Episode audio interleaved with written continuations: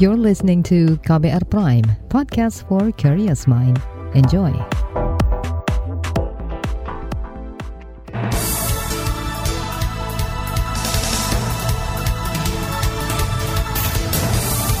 Selamat pagi saudara, kembali kami menyapa Anda dengan sejumlah informasi pilihan pagi hari ini di Buletin Pagi. Saya Eka Juli. Dan saya Don Brady, kami telah menyiapkan sejumlah informasi terkini, di antaranya puluhan juta masyarakat mampu terima bantuan iuran BPJS Kesehatan.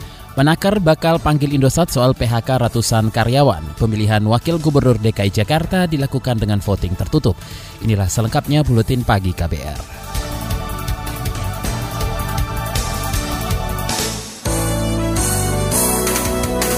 terbaru di Buletin Pagi.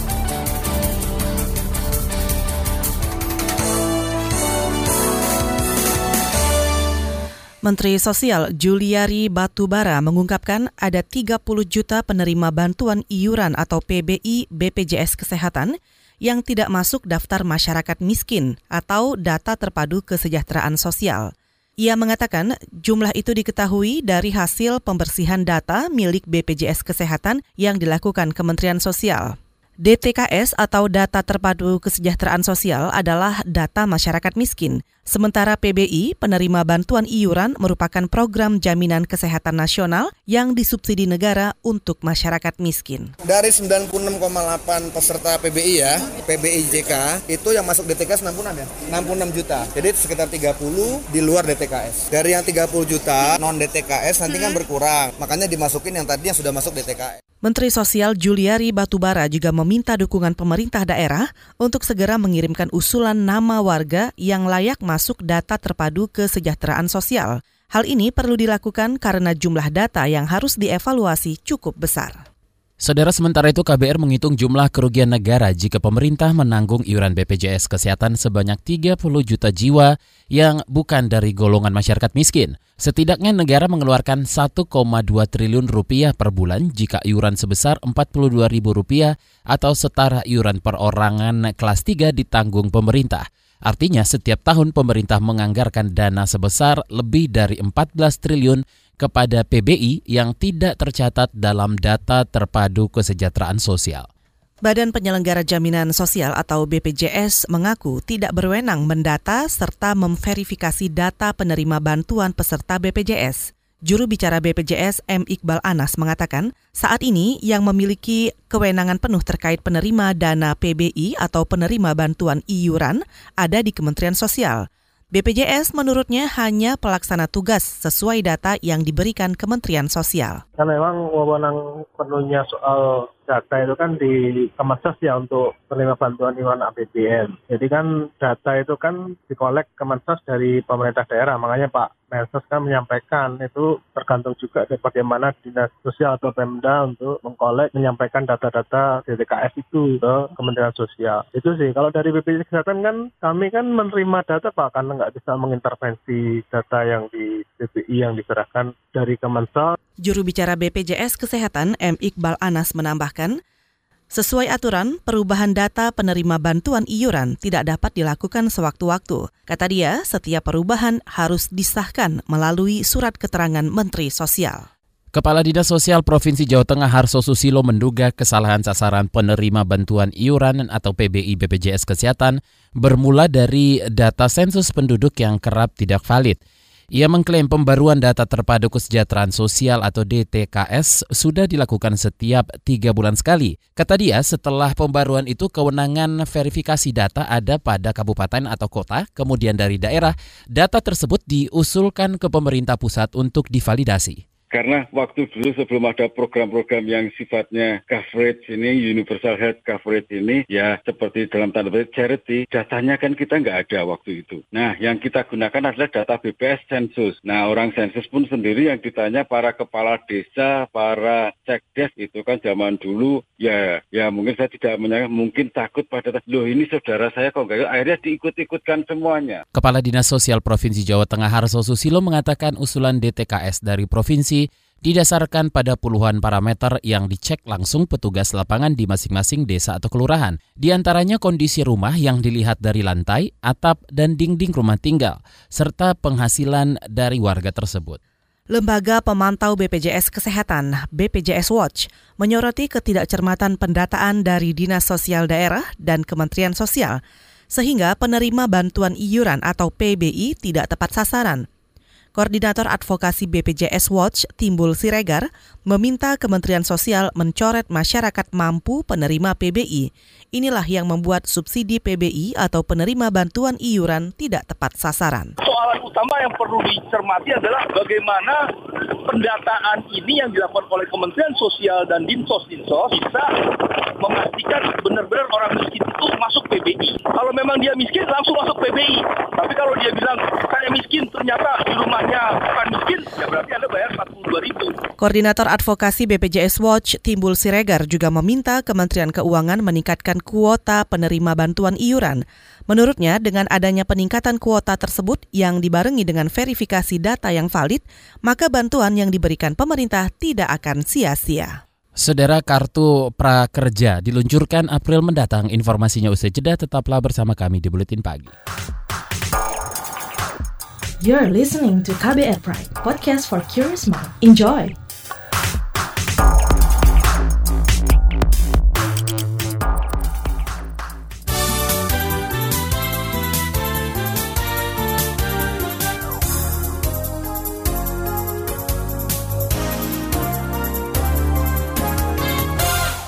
Anda sedang mendengarkan Buletin Pagi KBR.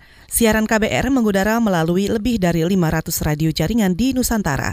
Anda juga bisa mendengarkan berita dan podcast kami di kbrprime.id. Program Kartu Prakerja bakal diluncurkan paling cepat April mendatang. Program ini merupakan salah satu janji kampanye Presiden Joko Widodo pada pemilihan Presiden 2019 lalu. Peluncuran kartu prakerja masih menunggu payung hukum berupa peraturan presiden yang rencananya diteken bulan ini. Kepala Staf Kepresidenan Muldoko mengatakan untuk tahap awal program ini akan dijalankan di Jabodetabek dan Jawa Barat. Kita juga baru bisa mulai nanti paling cepat sepertinya bulan April ya. Sehingga memang untuk mencapai 2 juta tidak mudah. Tapi kita berusaha semaksimal mungkin ya agar target 2 juta itu bisa terpenuhi. Untuk itulah kita awali dari eh, nanti Jabodetabek itu kita segera mendapatkan feedback ya dari feedback itu akan segera kita benahin lagi nanti nah, terus langsung masuk ke daerah-daerah yang lain. Kepala Staf Kepresidenan Muldoko mengatakan program Kartu Prakerja ditargetkan menyasar 2 juta orang dengan anggaran 10 triliun rupiah dari APBN. Kartu Prakerja sebelumnya dipromosikan Joko Widodo pada masa kampanye pemilihan umum Presiden Indonesia 2019. Kartu ini rencananya diberikan kepada warga yang belum memiliki keterampilan sehingga bisa mendapatkan program pelatihan. Saudara Menteri Tenaga Kerja Ida Pauziah bakal mengajak PT Indosat berdialog terkait pemutusan hubungan kerja atau PHK 600 lebih karyawan. Meski mengaku belum mendapat pemberitahuan resmi dari Indosat, Menaker berharap perusahaan telekomunikasi itu mempertimbangkan kembali keputusan PHK atau memfasilitasi bekas karyawannya mendapat pekerjaan lain. Belum belum biasanya mereka mereka menyampaikan ke Dinas Tenaga Kerja DKI. Tapi saya sudah minta ke Bu Dirjen PHI saya untuk menanyakan tentang itu. Menteri Tenaga Kerja Ida Pauziah juga mengingatkan Indosat untuk memenuhi seluruh hak-hak para karyawan yang terkena PHK. Sebelumnya, Indosat menawarkan paket kompensasi bagi 600-an karyawan yang di PHK. Indosat mengklaim lebih dari 80 persen karyawannya setuju tawaran itu. Pimpinan perusahaan mengklaim PHK dilakukan karena adanya perubahan alur bisnis yang mengedepankan kebutuhan pasar. LSM Anti Korupsi ICW mencatat penindakan kasus korupsi sepanjang 2019 turun tajam. Peneliti ICW Wana Alamsyah mengatakan penindakan rasuah pada 2019 tercatat sekitar 200 kasus atau hanya separuh dari capaian tahun sebelumnya. Penurunan penanganan kasus paling tajam terlihat di Kejaksaan Agung dan Kepolisian. Lalu bagaimana kinerja penindakan kasus korupsi tahun 2019? Temuan umumnya ada sekitar 271 kasus korupsi dengan jumlah tersangkanya sebanyak 580 orang, jumlah kerugian negara yang ditimbulkan akibat korupsi adalah 8,4 triliun, jumlah suapnya ada sekitar 200 miliar, jumlah pungutan liarnya ada 3,7 miliar, dan jumlah pencucian uangnya ada 108 miliar. Peneliti ICW Wana Alamsyah menambahkan kinerja penindakan kasus korupsi paling signifikan dilakukan Komisi Pemberantasan Korupsi KPK. Hal itu ditunjukkan dari peningkatan perkara sejak 2015 hingga 2019. Aktor yang diciduk pun tak jarang merupakan figur kelas kakap seperti menteri, kepala daerah, anggota legislatif, bahkan penegak hukum. Kepolisian menyebut terdakwa kasus korupsi penjualan kondensat Honggo Wendratmo saat ini menetap di luar negeri atas dengan status permanen residen. Dengan status itu, berarti Honggo bisa tinggal dan bekerja dalam waktu lama di negara itu. Direktur Tindak Pidana Ekonomi Khusus Bares Krim Polri, Daniel Tahimonang, mengklaim belum mengetahui pasti keberadaan bos PT TPPI itu. Namun rekaman Ditjen Imigrasi terakhir pada 2015 silam mencatat Honggo melakukan perjalanan ke Singapura. Ya yang pasti di luar negeri, kalau di dalam negeri kita bisa cek. Karena laporan dari imigrasi kan ada perlintasannya. Selama ini kan di dalam negeri belum ada gitu. Kalau informasi terakhir, informasi ini ya, informasi terakhir kan mereka itu kan sudah permanen residen di negara tertentu kan. Daniel Tahimonang juga menjamin proses pengusutan kasus korupsi penjualan kondensat tetap berlanjut, meski hingga kini Honggo masih buron. Kasus ini disidangkan tanpa kehadiran terdakwa di Pengadilan Tipikor Jakarta. Usai disidangkan, pengadilan akan menentukan aset yang disita untuk dikembalikan ke negara. Dalam kasus ini, selain Honggo, KPK juga menetapkan dua bekas petinggi BP Migas, yakni Raden Priyono dan Joko Harsono sebagai tersangka. Dari berita Ekonomi, saudara pakar investasi Katarina Setiawan memprediksi dampak virus corona terhadap ekonomi nasional tak akan berlangsung lama. Menurutnya penyebaran virus ini hanya akan terasa pada semester pertama 2020. Ia mengakui reaksi awal pasar terhadap corona cenderung negatif dan hal ini karena adanya faktor ketidakpastian sehingga muncul sentimen negatif. Katarina mengatakan penurunan saham yang terjadi akibat corona bisa dimanfaatkan investor membeli barang dengan harga yang lebih murah. Secara global, wabah ini paling banyak menyasar sektor pariwisata, baik retail, transportasi, hotel, dan restoran. Kita ke informasi olahraga. Liverpool kalah 1-0 melawan Atletico Madrid dalam pertandingan leg pertama babak 16 besar Liga Champions yang digelar di Stadion Wanda Metropolitano Spanyol dini hari tadi. Pada leg kedua, Liverpool akan menjamu Atletico Madrid di Stadion Anfield 12 Maret mendatang. Pada babak 16 besar yang lain, Borussia Dortmund mengalahkan raksasa Prancis Paris Saint-Germain dengan skor 2-1. Selanjutnya kita lanjutkan buletin pagi dengan berolahraga bersama Eka Renata. Sport. Presiden Joko Widodo meminta adanya pembentukan tim nasional timnas bola basket yang tangguh untuk menghadapi Piala Dunia Bola Basket FIBA 2023. Dalam kontestasi bola basket dunia itu, Indonesia, Filipina, dan Jepang terpilih sebagai tuan rumah. Presiden Jokowi ingin agar segala sesuatu mulai dari perencanaan penganggaran, kegiatan pra-event, termasuk keamanan dan pengamanan kesehatan, serta lainnya telah siap dalam menyambut acara itu. Termasuk juga di dalamnya dalam rangka mempromosikan wajah baru Indonesia hingga mengenalkan pariwisata.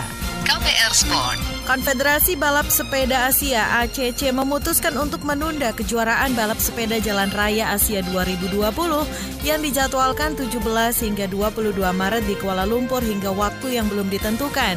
Penundaan itu terkait kekhawatiran penyebaran wabah virus novel corona. Selain itu, Kongres ACC dan rapat komite manajemen yang dijadwalkan akan diadakan di sela kejuaraan tersebut juga turut ditunda. Selanjutnya kami hadirkan saga KBR tentang bahaya limbah sisa makanan. Tetaplah di Buletin Pagi. You're listening to KBR Pride, podcast for curious mind. Enjoy!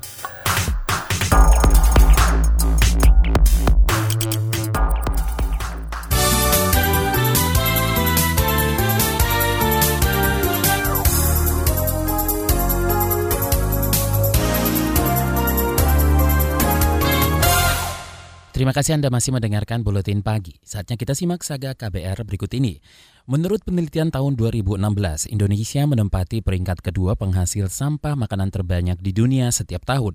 Satu orang Indonesia menghasilkan sisa sampah makanan sebanyak 300 kg. Jurnalis KBR Wahyu Setiawan mengajak Anda melihat bahaya dari limbah sisa makanan ini.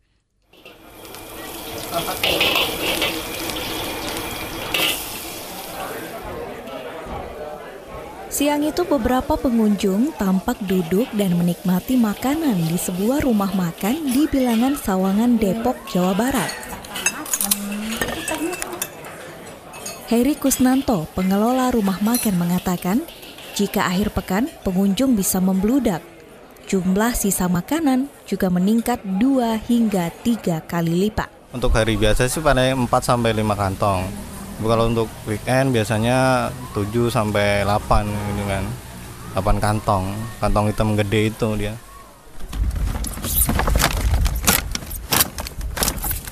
Heri lantas memutuskan bekerja sama dengan sebuah yayasan untuk mengangkut sisa sampah makanan. Untuk itu, ia rela merogoh kocek satu setengah juta setiap bulan. Ada pihak yang mengambil dari malah dia modelnya kayak model lingkungan atau dari yayasan malahan yang lola itu. Ani, salah seorang pengunjung mengaku jarang membungkus sisa makanan yang ia pesan. Alasannya, selain tak praktis, ia tak ingin sisa makanan justru jadi sampah di rumahnya. Nah itu kalau menurut uh, aku sih kadang-kadang kalau kita makan terus sisanya sedikit terus harus bayar packaging lagi itu kan kayak nggak efektif banget gitu kan ya. Ujung-ujungnya di rumah belum tentu dimakan lagi kan. Nah itu yang bikin kita akhirnya ya udahlah daripada bayar lagi ya kita tinggalin gitu aja. Masalah limbah sisa makanan ini membuat Wisnu mengembangkan tani panen sebuah usaha sosial yang bergerak di bidang pengurangan food waste dan food loss. Menurut Wisnu, sumber masalah limbah makanan datang dari industri restoran dan rumah tangga. Sebenarnya mungkin malah yang lebih gede lagi uh, di tingkat hotel sih. Biasanya hotel lumayan gede karena emang uh, apa pengunjung mereka kan cukup terbatas. Walaupun ada yang uh, apa konsumsi dan macam-macam, mereka biasanya tidak memake sure dan susah juga untuk memake sure dan memplan apa ya me merencanakan makanan mereka bisa pas dengan uh, kebutuhan. Salah satu mitra kerja tani panen adalah Asmil Basyaril. Pengusaha di bidang pertanian ini kerap mengedukasi petani untuk tak menumpuk sisa panen yang tak layak dijual. Dalam dunia pertanian, hasil panen yang dari segi kualitas tak sempurna disebut dengan istilah food loss. Apa pun sayur buah yang dibuang itu, itu kalau dibedah mas, satu-satu di breakdown, itu berapa liter air, berapa luas tanah, berapa tenaga petani untuk numbuhin itu. Dengan gitu kami berharap konsumen lebih peka sih mas, lebih menyadari kalau bertanggung jawab sih dalam berbelanja, dalam memakan sesuatu. Nyatanya, limbah sisa makanan ini punya bahaya yang lebih besar daripada sekedar bau tak sedap dan mendatangkan penyakit. Co-founder Indonesian Energy and Environmental Institute Satya Hangga menjelaskan, dampak besar dari limbah makanan ini bisa menimbulkan pemanasan global. Sebenarnya dampaknya itu sangat negatif ya terhadap lingkungan hidup karena limbah makanan baik itu organik atau non organik yang udah kadaluarsa ataupun yang belum kadaluarsa kalau misalnya kita bakar limbah makanan itu atau mungkin tidak dibakar pada waktu itu terekspos dengan sinar matahari itu mengeluarkan yang namanya emisi gas rumah kaca.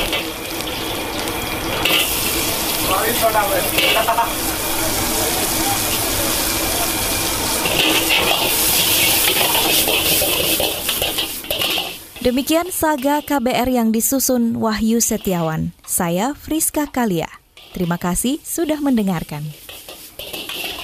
Selanjutnya kami hadirkan informasi mancanegara dan daerah. Tetaplah di Buletin Pagi.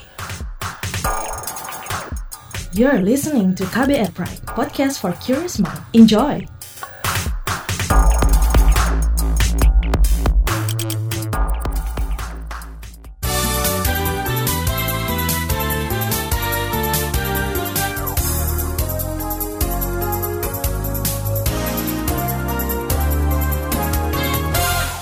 Anda mendengarkan bagian akhir buletin pagi KBR. Kita awali dari berita mancanegara. Pemerintah Thailand mengimbau seluruh, seluruh warganya menunda perjalanan mereka ke Jepang dan Singapura untuk sementara waktu. Hal itu dilakukan menyusul kekhawatiran terhadap penyebaran virus corona di kedua negara yang terus meningkat.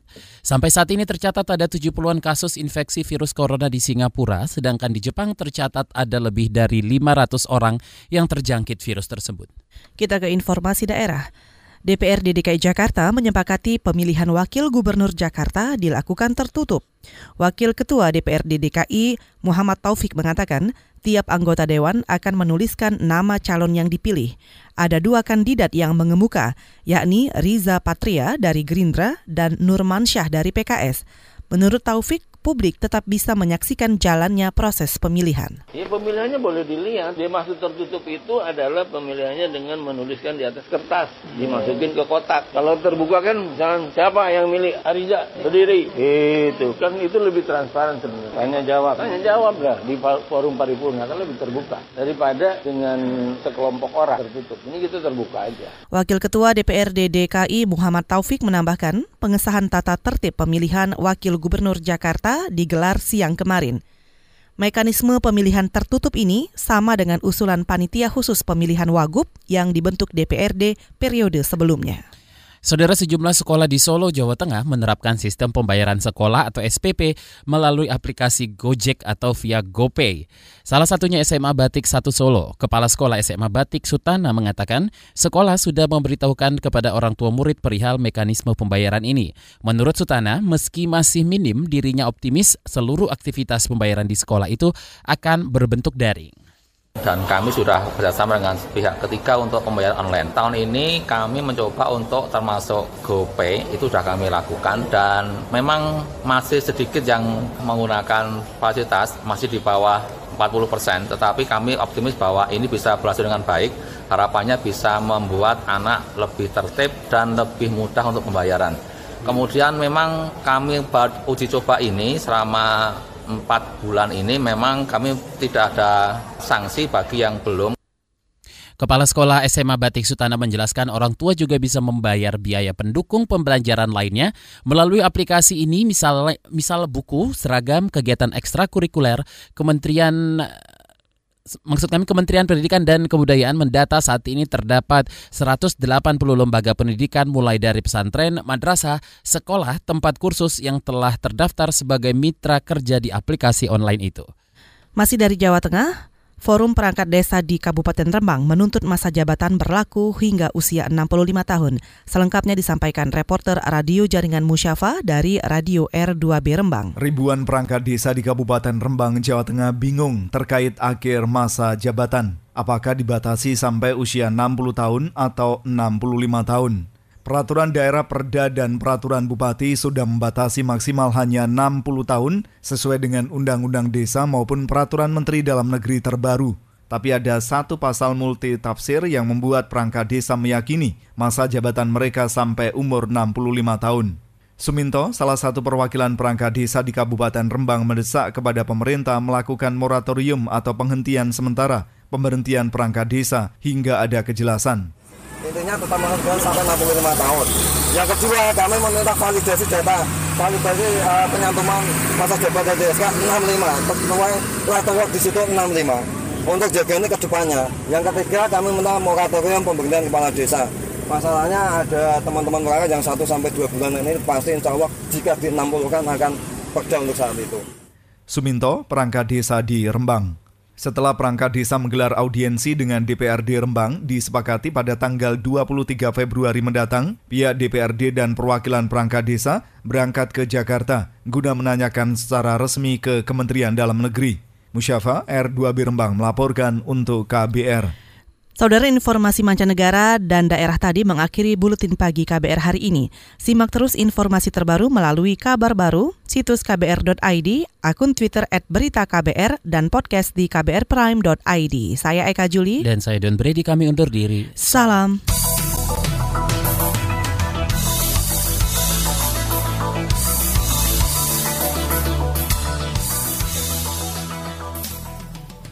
KBR Prime, cara asik mendengar berita. KBR Prime, podcast for curious mind.